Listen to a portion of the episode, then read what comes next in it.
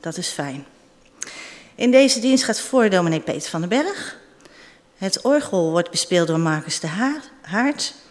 En mijn naam is Marian Rijmen, de Amstrager van dienst deze morgen. Is er iets met het geluid? Uh, niet goed? Ah. Um, we bereiden ons in de komende week, de stille, de goede week, samen voor op Pasen. Met de volgende vieringen. Uh, Witte Donderdag, 15 april, komen we samen om half acht, vieren we avondmaal hier in de kapel aan tafel. In de vorm van een Pesachmaaltijd. Zoals Jezus en zijn leerlingen en jongeren samen vierden. Wie wil helpen voorbereiden of bereiden, kan zich na de dienst bij mij melden. Dan geef ik dat door aan dominee Jolande, die in deze viering door voorgaat. Uh, Goede Vrijdag uh, uh, is er een viering om half acht met het thema Tot de dood erop volgt. Jezus is de uitgestoken hand van God naar de mensheid. Jezus is het cadeau van God voor ons. Hij heeft laten zien wat de diepste verlangens van God zijn en hoe wij mensen met elkaar om zouden moeten gaan. Op onbegrijpelijke wijze hebben wij die hand genegeerd, hebben wij het cadeau niet aangenomen, laat staan uitgepakt. Sterker nog, we hebben Gods liefdesgebaar om zeep geholpen. Hoe nu verder? Willem Lindeman gaat die dienst voor. Op stille zaterdag begint de dienst om tien uur en is het thema in de stilte tussen leven en dood. Het wordt een dienst van bezinning. In de stilte tussen leven en dood komen we tot bezinning en stellen we onszelf de vraag: welke kant willen we op met ons persoonlijk en maatschappelijk leven? Bewegen we ons naar de dood of toch naar het leven? Als we naar onszelf en naar de wereld kijken, hoe zit het dan met ons vertrouwen in de overstijgende liefde van God? Blijven we stilstaan bij Goede Vrijdag of bewegen we ons naar Pasen? Laten we dit samen met elkaar beleven. Ook in deze dienst gaat Willem voor. En dan vieren we zondag om half elf samen Pasen. De Heer is echt waar opgestaan. Dominee Jolande gaat voor en het gelegenheidskoor onder leiding van Amadee van Langeveld zal zingen en de theatertros komt ook met een bijdrage. En na de dienst is er dan koffie. Alles wat ik verteld heb is terug te lezen in kerkmail of op onze website. Uh, maar het is aanbevolen om de weg naar Pasen zo samen te gaan. Uh, ik wil u nu vragen om zo mogelijk te gaan staan en samen een moment stil te zijn om ons voor te bereiden op de ontmoeting met God. Ik wens jullie een gezegende dienst.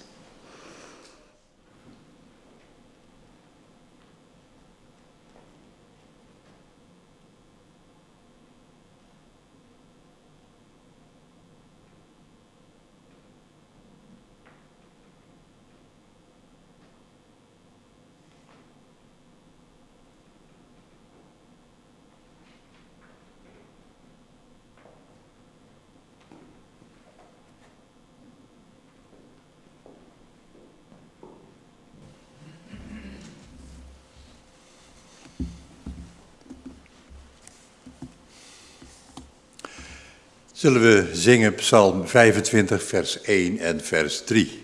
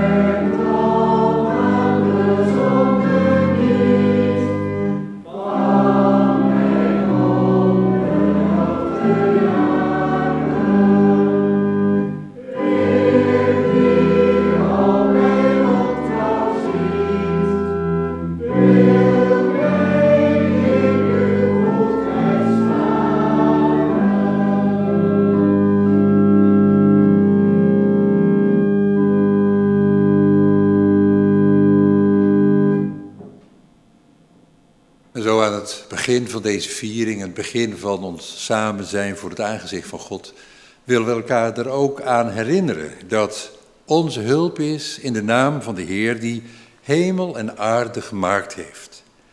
En die trouw is tot voorbij de grenzen van ons leven.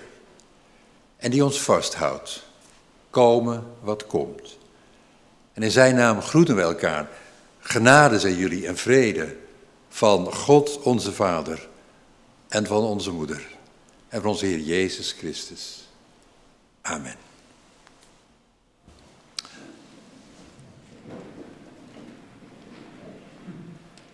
We willen samen bidden en aan het eind van het gebed ook samen het gebed afsluiten. Zullen we samen bidden?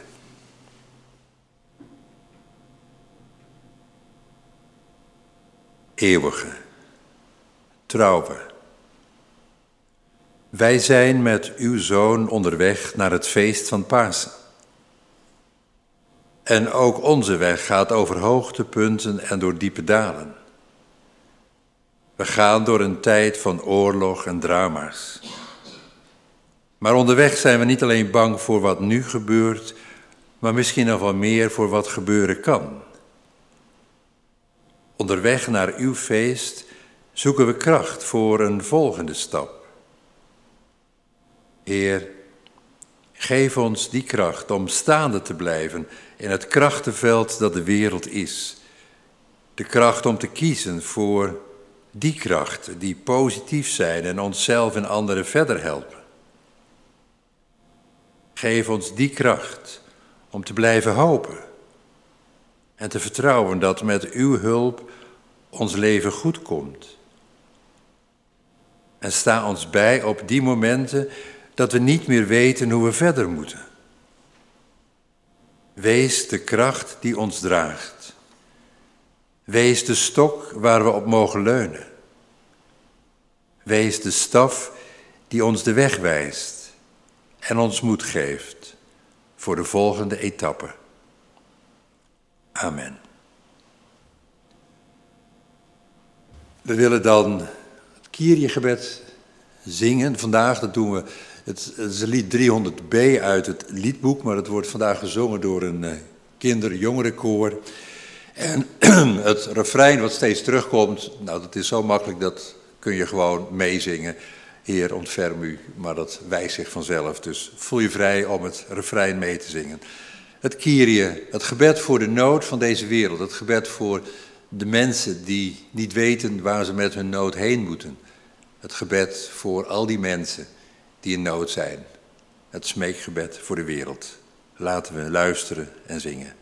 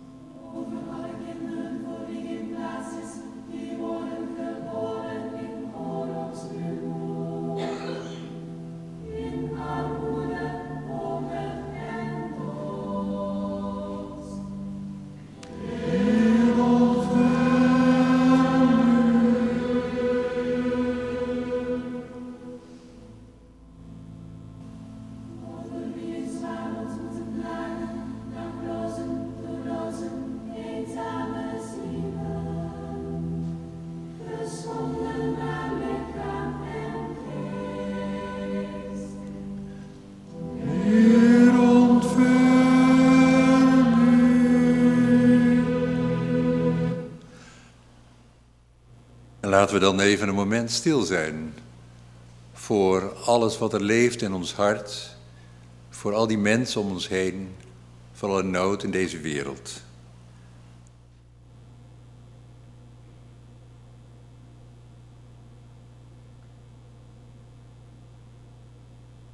En we zeggen, Heer, ontferm u. Amen. We gaan over naar de dienst van het woord. En het is vandaag Palmzondag. Het is een zondag die van oudsher altijd een beetje een, dubbel gezicht heeft. Heden Hosanna, morgen kruisigt hem. Maar vandaag wil ik vooral stilstaan zoals bij Psalmzondag als eigenlijk het begin van de stille week, van de goede week of de lijdensweek. Palmzondag als het begin van de opgang van Jezus naar Jeruzalem, de opgang naar Pasen, zoals we gelukkig weten. Maar het is een week die door lijden en angst heen gaat. En dat is niet opmerkelijk voor de Bijbel, want zoals Mozes de angst kende voor de farao en zijn leger, en David de angst voor Saul en zijn mannen, en Esther de angst voor Haman, zo benoemt de Bijbel ook de angst van Jezus in deze week voor Pasen. De Bijbel en ook het geloof in, zoals we het kennen in navolging van Jezus, dat poetst nooit de angst weg of doet er bagatelliserend over. Maar beseft ook dat de angst niet hoeft te regeren. En die Bijbel reikt ons woorden en beelden aan om, om onze angst onder ogen te zien. En daar wil ik het vandaag met jullie over hebben, aan het begin van deze opgang naar Pasen. Zullen we eerst bidden.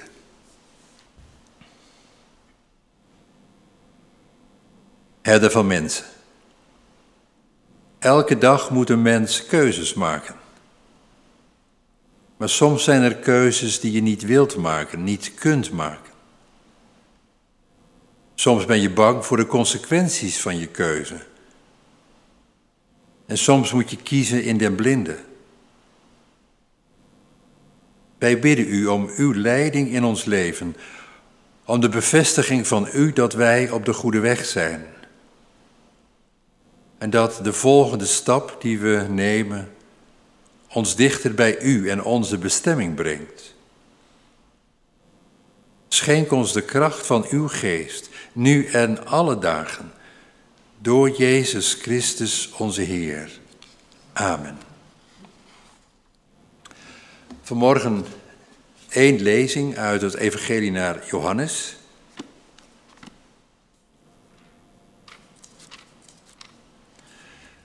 Johannes 12 vanaf vers 20.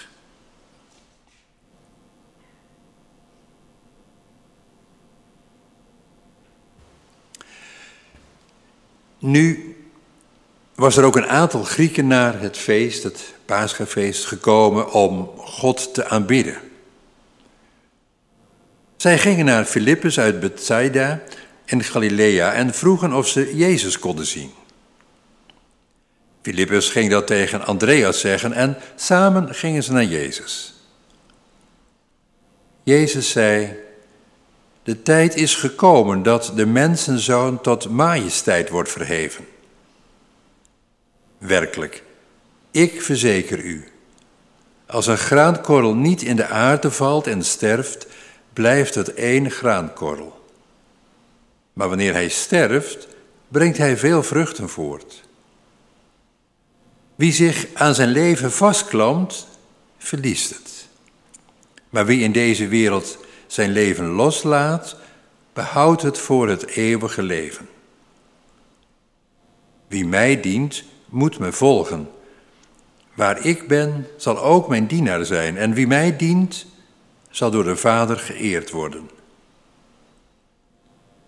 Nu slaat de angst mij om het hart. Wat moet ik zeggen? Vader, laat dit ogenblik aan mij voorbij gaan. Maar hiervoor ben ik juist gekomen. Laat nu zien hoe groot uw naam is, Vader. Toen klonk er een stem uit de hemel. Ik heb mijn grootheid getoond en ik zal mijn grootheid weer tonen. De mensen die daar stonden en dit hoorden zeiden, een donderslag. Maar er waren er ook die zeiden dat het een engel was die tegen hem gesproken had. Jezus zei, die stem heeft niet voor mij gesproken, maar voor u. Nu wordt het oordeel over deze wereld geveld. Nu zal de heerser van deze wereld uitgebannen worden. Tot zover deze lezing.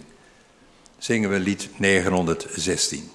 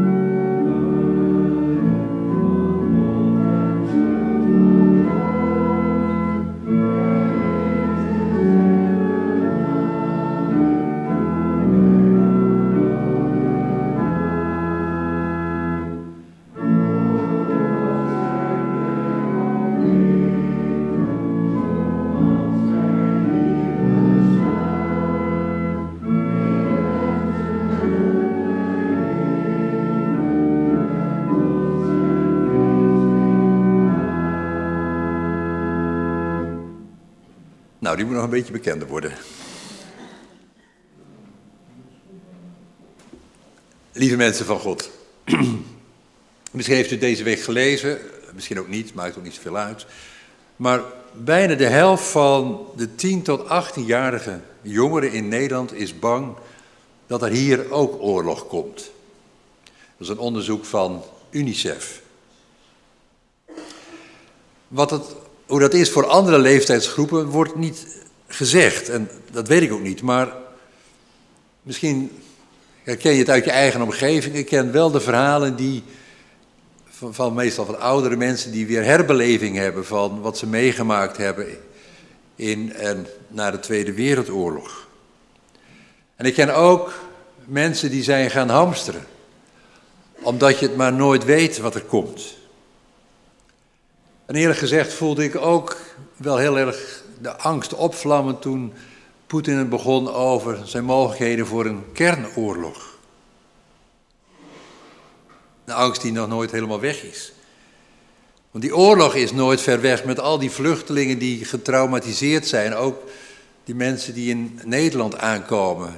Vrouwen, kinderen, met een verhaal. Geen wonder dat jongeren en kinderen daar angstig van worden. Want wie zou dat eigenlijk niet worden, welke leeftijd je ook hebt. Dus als we deze week, de Lijdensweek, ingaan, de, de stille week, dan vermengt zich dat bijna vanzelf met die beelden die we zien op televisie en in de krant, die we horen van mensen. En dan zie je ook allerlei verbanden en associaties tussen wat je leest over, over Jezus en wat je ziet dat is bijna niet van elkaar los te maken. En dan zie je ook het gevecht dat wat Jezus levert, dat heel veel mensen dat leveren op dit moment. Het gevecht dat de angst het niet wint. Dat de angst niet je leven bepaalt, niet regeert je denken en je doen. En als je dan het stuk van vanmorgen erbij pakt, dan, dan krijg je misschien wel een gevoel van, ja, als Johannes het verhaal vertelt, dan zegt hij eigenlijk, kort samengevat, Gods liefde overwint alles. Zo zou je dat kunnen zien en kunnen samenvatten, maar ik denk dat het toch een beetje dan te simpel wordt gezegd. Want daarmee praat je al over Pasen zonder dat je door deze week heen gaat, door die tocht via Goede Vrijdag.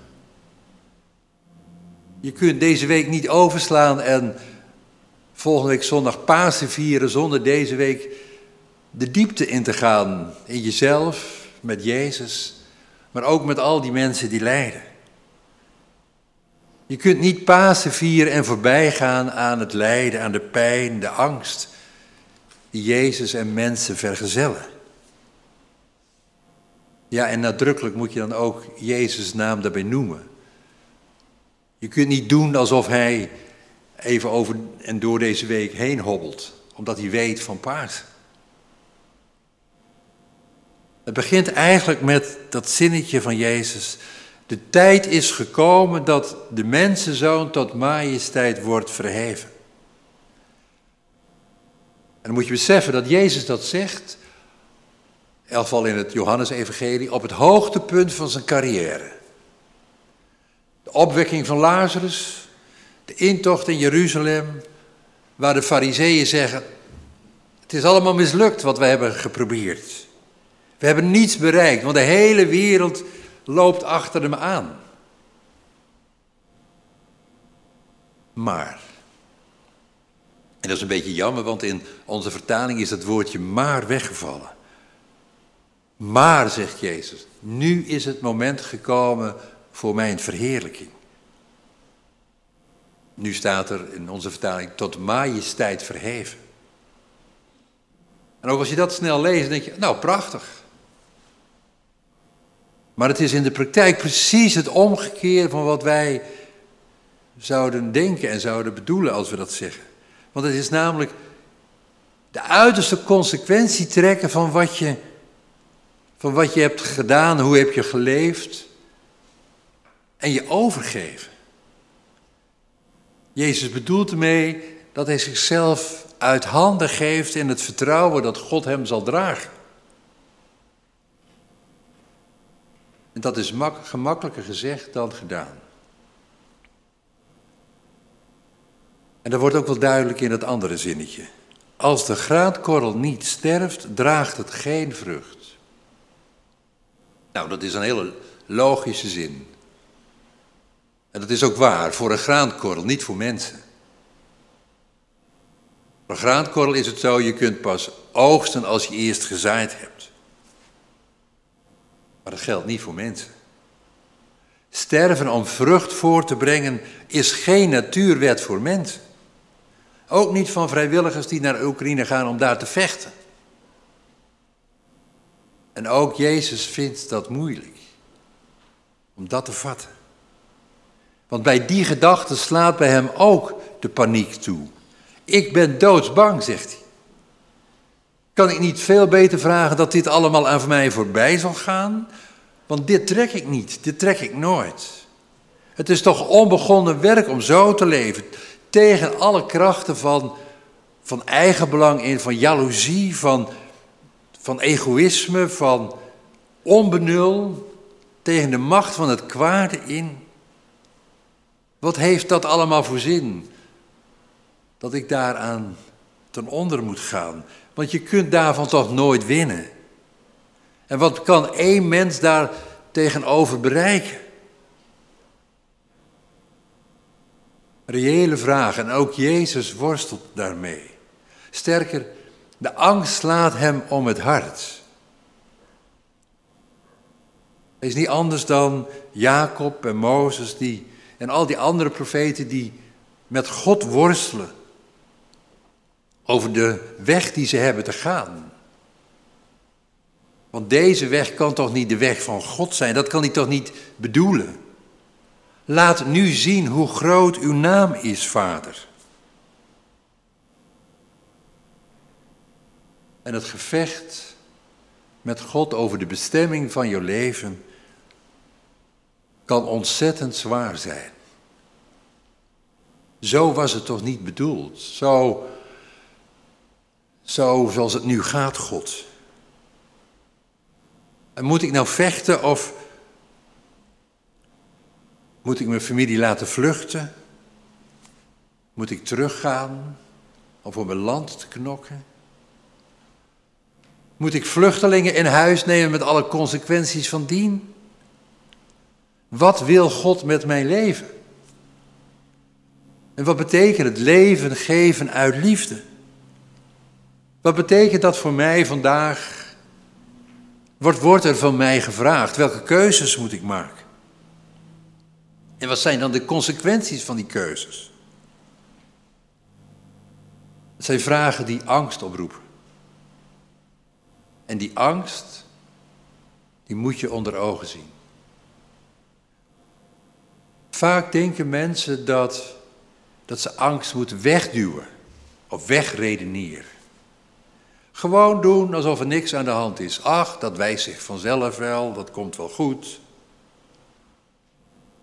Maar mijn ervaring is dat angst die niet onderkend en benoemd wordt, eigenlijk als een veenbrand alles verwoest. Ook je principes, ook je waardes en zelfs je geloof. Angst, heb ik geleerd, moet je heel serieus nemen. En je moet contact maken met die angst.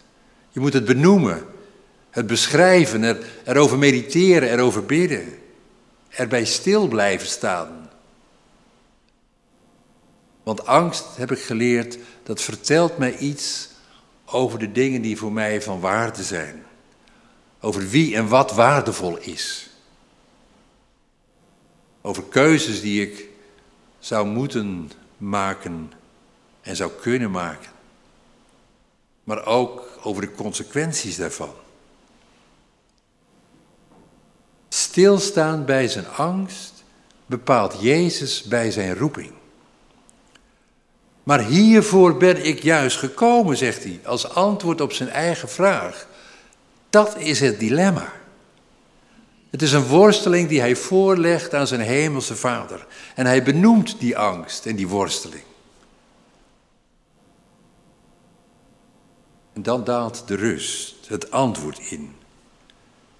De heerser van deze wereld zal worden uitgebannen.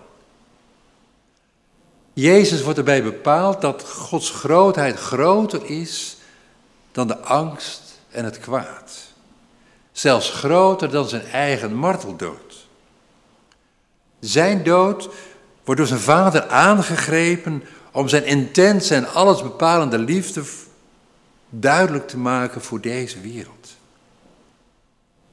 Tegen alle menselijke verwachting in zet hij de nederlaag om in een overwinning. Gods goedheid is te groot. Hij reikt over de grens van de dood heen. En dat geeft Jezus kracht om door te gaan. Terwijl de angst niet weg is. En wij dan? Als de graankorrel niet sterft, draagt het geen vrucht. Het is, ik zei het al, het is geen natuurwet voor mensen. Maar met die zin wordt wel duidelijk wat het kan betekenen om Jezus te dienen en te volgen. Dat is leven en werken vanuit een ander principe dan wij van nature geneigd zijn.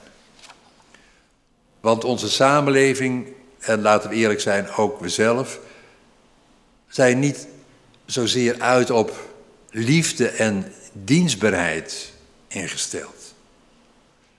Want altijd en overal hebben we de vragen in ons achterhoofd van, ja maar wat betekent dat voor mij? En, en word ik er beter van? En of het nu gaat om oorlog en vrede, om, om vluchtelingen, of het gaat om politieke keuzes, om maatregelen voor het milieu, over windmolens of zonneparken. Of het nu gaat om wonen en werken, om, om belastingen, tot en met ons vrijwilligerswerk. In eerste instantie zijn we geneigd instinctief naar succes, naar comfort, naar winst, naar macht voor onszelf. Want niet voor niets hebben we eigenlijk altijd moeite met die woorden van Jezus.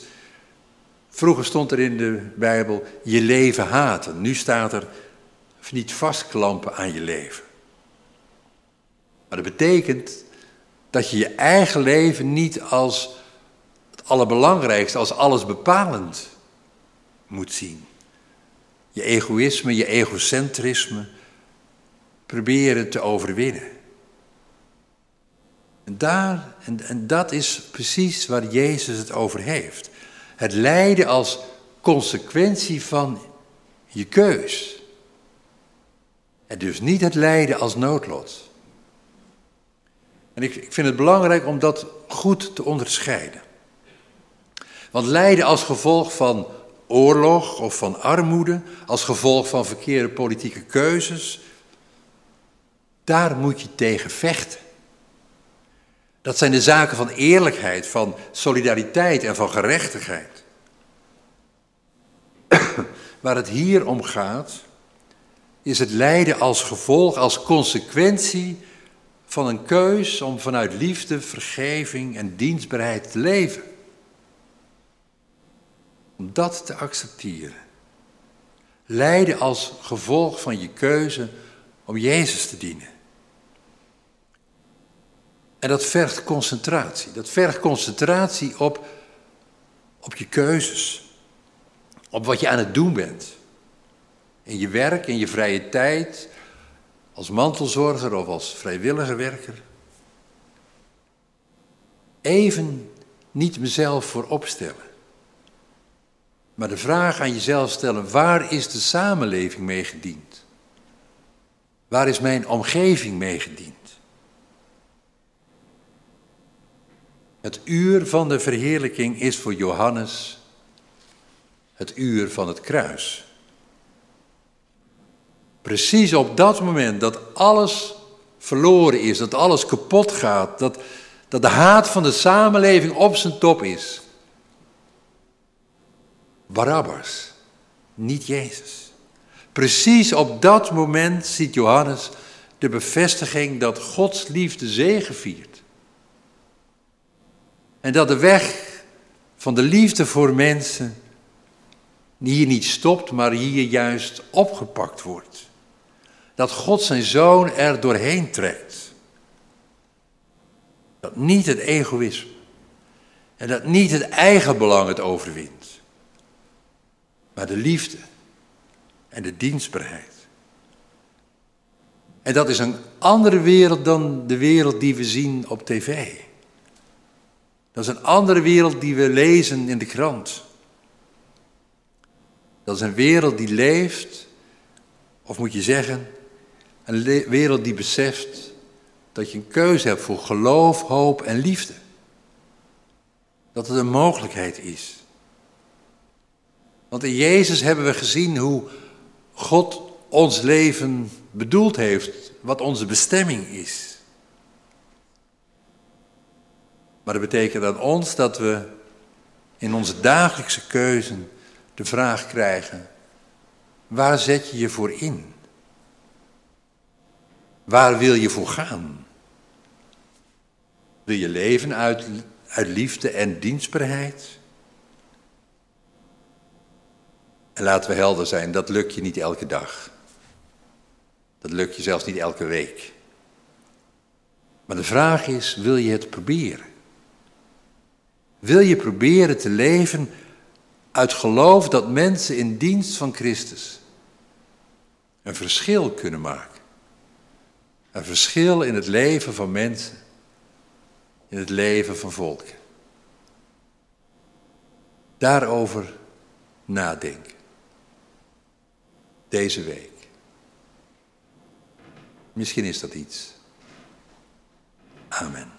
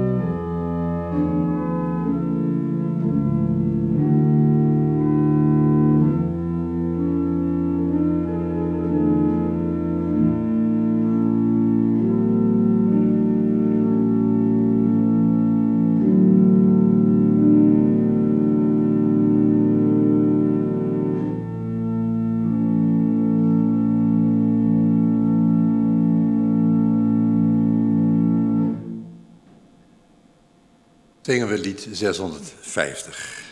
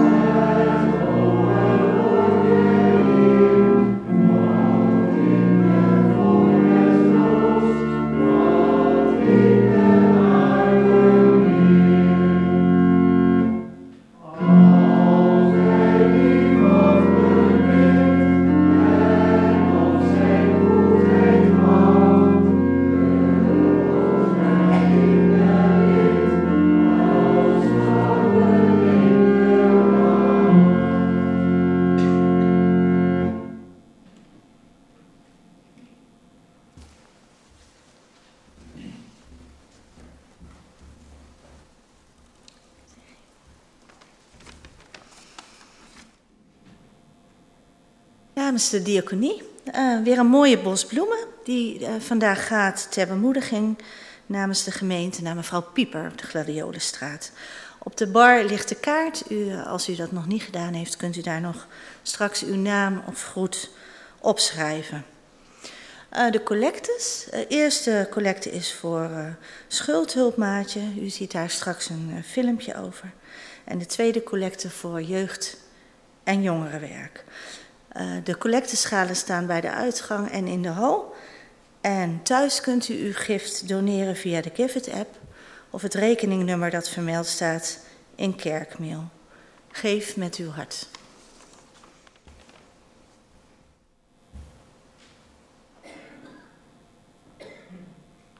Hallo, mijn naam is Bart Kuipers en ik ben vrijwilliger bij Schuldhulpmaatje.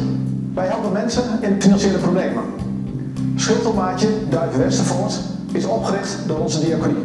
Samen met ongeveer 15 vrijwilligers helpen wij mensen die in financiële problemen zitten. Wij helpen met overzicht en wij helpen met het maken van betalingsafspraken.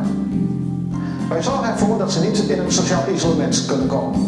Natuurlijk hebben wij ook geld nodig. We hebben geld nodig voor opleidingen voor onze schuldhulpmaatjes. Gelukkig zijn wij een vast collectiedoel van onze kerk. Daar zijn we heel blij mee. Steunt u ons ook? Geef met uw hart, want alleen samen lukt het.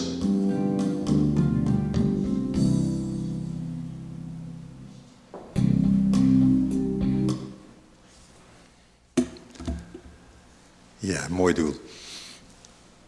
We willen samen danken en bidden en steeds de voorbeden met een zingende acclamatie uh, afsluiten. Misschien is het goed om eerst, uh, voordat we gaan bidden, om even de melodie te horen, uh, Marcus, dat mensen weten van hoe het loopt.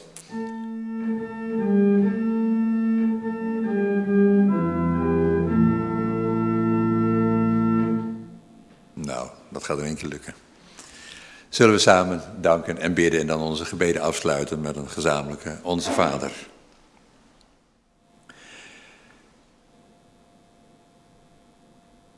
Herder van mensen. Wij danken u voor uw grote liefde voor mensen, die wij hebben leren kennen in Jezus. Die tot het uiterste ging om ons duidelijk te maken dat niets en niemand ons kan scheiden van u. Wij danken u voor de apostelen en leerlingen die uiteindelijk zijn levenshouding begrepen en zijn boodschap aan ons hebben doorgegeven. Een boodschap die haak staat op alles wat we in de krant en op de televisie zien. Een boodschap van liefde en overgave van anderen eerst, van het recht van de zwakste. En hoe ongewoon en moeilijk wij die boodschap ook vinden. Door uw kind leren we dat we andere keuzes kunnen maken. Keuzes vanuit liefde en vergeving. Wij bidden u voor ieder kind en jongere in ons midden. Voor ieder mens die bang is voor de toekomst. Bang voor geweld, honger en ziekte. Bang voor de kinderen of de kleinkinderen. Bang voor de keuzes die gemaakt moeten worden. Wij bidden u voor ieder mens die de wanhoop nabij is, omdat de toekomst zo ver weg lijkt en u zo onbereikbaar. Zo bidden wij samen.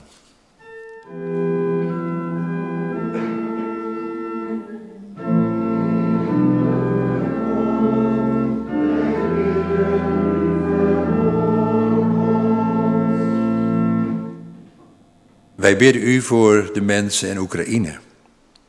De kinderen, de ouders, de grootouders, de leiders van leger en staat, de gewone mensen, de gewone soldaten, maar even goed voor de mensen in Rusland, die afgeknepen worden en gebukt gaan onder het semi-religieuze geloof van een dictator. Hoe kan het voor uw ogen bestaan? We bidden u om wonderen, wonderen van geloof, hoop en liefde. Wonderen van medemenselijkheid en gerechtigheid. Zo bidden wij samen.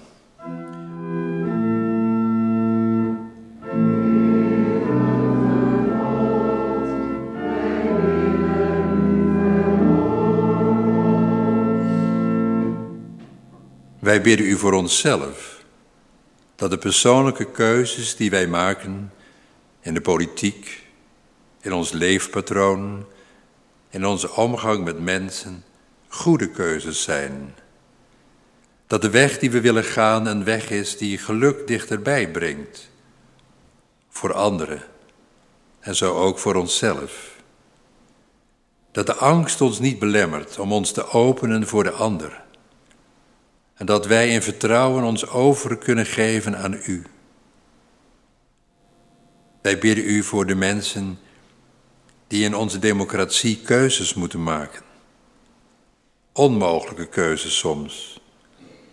Dat zij vertrouwen ontvangen dat zij niet eigen belangen najagen, maar het welzijn van heel, heel het volk.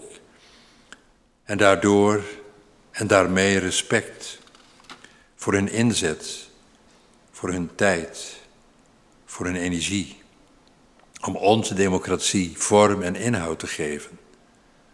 Zo bidden wij samen.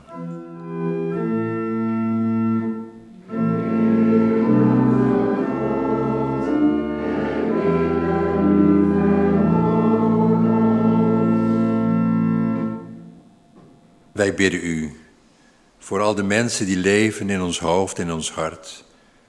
Voor de mensen met wie wij verbonden zijn, dichtbij en ver weg. Wij bidden u voor onszelf, met onze eigen vragen en onze verlangens, met alles wat ons bezighoudt in de stilte van dit moment.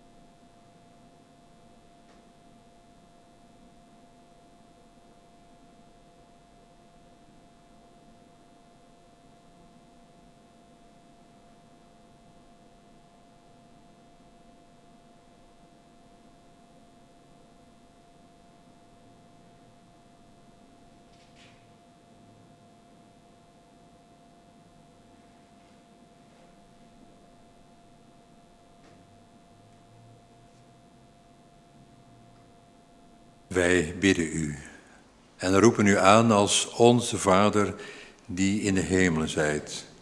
Uw naam wordt geheiligd, uw koninkrijk komen, uw wil geschieden, op aarde zoals in de hemel. Geef ons heden ons dagelijks brood en vergeef ons onze schulden, zoals wij onze schuldenaars vergeven. En leid ons niet in verzoeking, maar verlos ons van de boze. Want van u is het koninkrijk en de kracht en de heerlijkheid, de eeuwigheid. Amen. Zingen we ons slotlied, de geest van hierboven en we vragen als u kunt daarmee te gaan staan.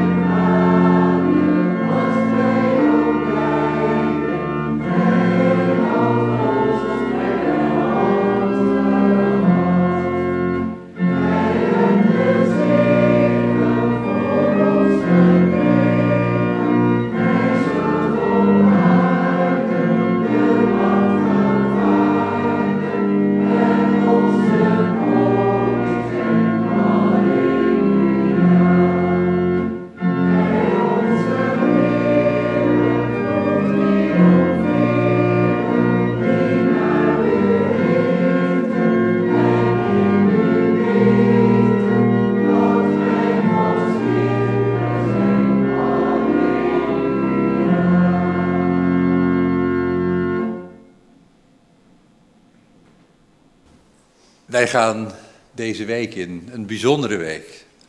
Een week die we heel sterk kunnen beleven door al die vieringen die we aangereikt krijgen. Maar ook een week die uitloopt op paars. Wat er deze week ook gebeurt, hoe je week er ook uitziet. We mogen uitzien naar Pasen.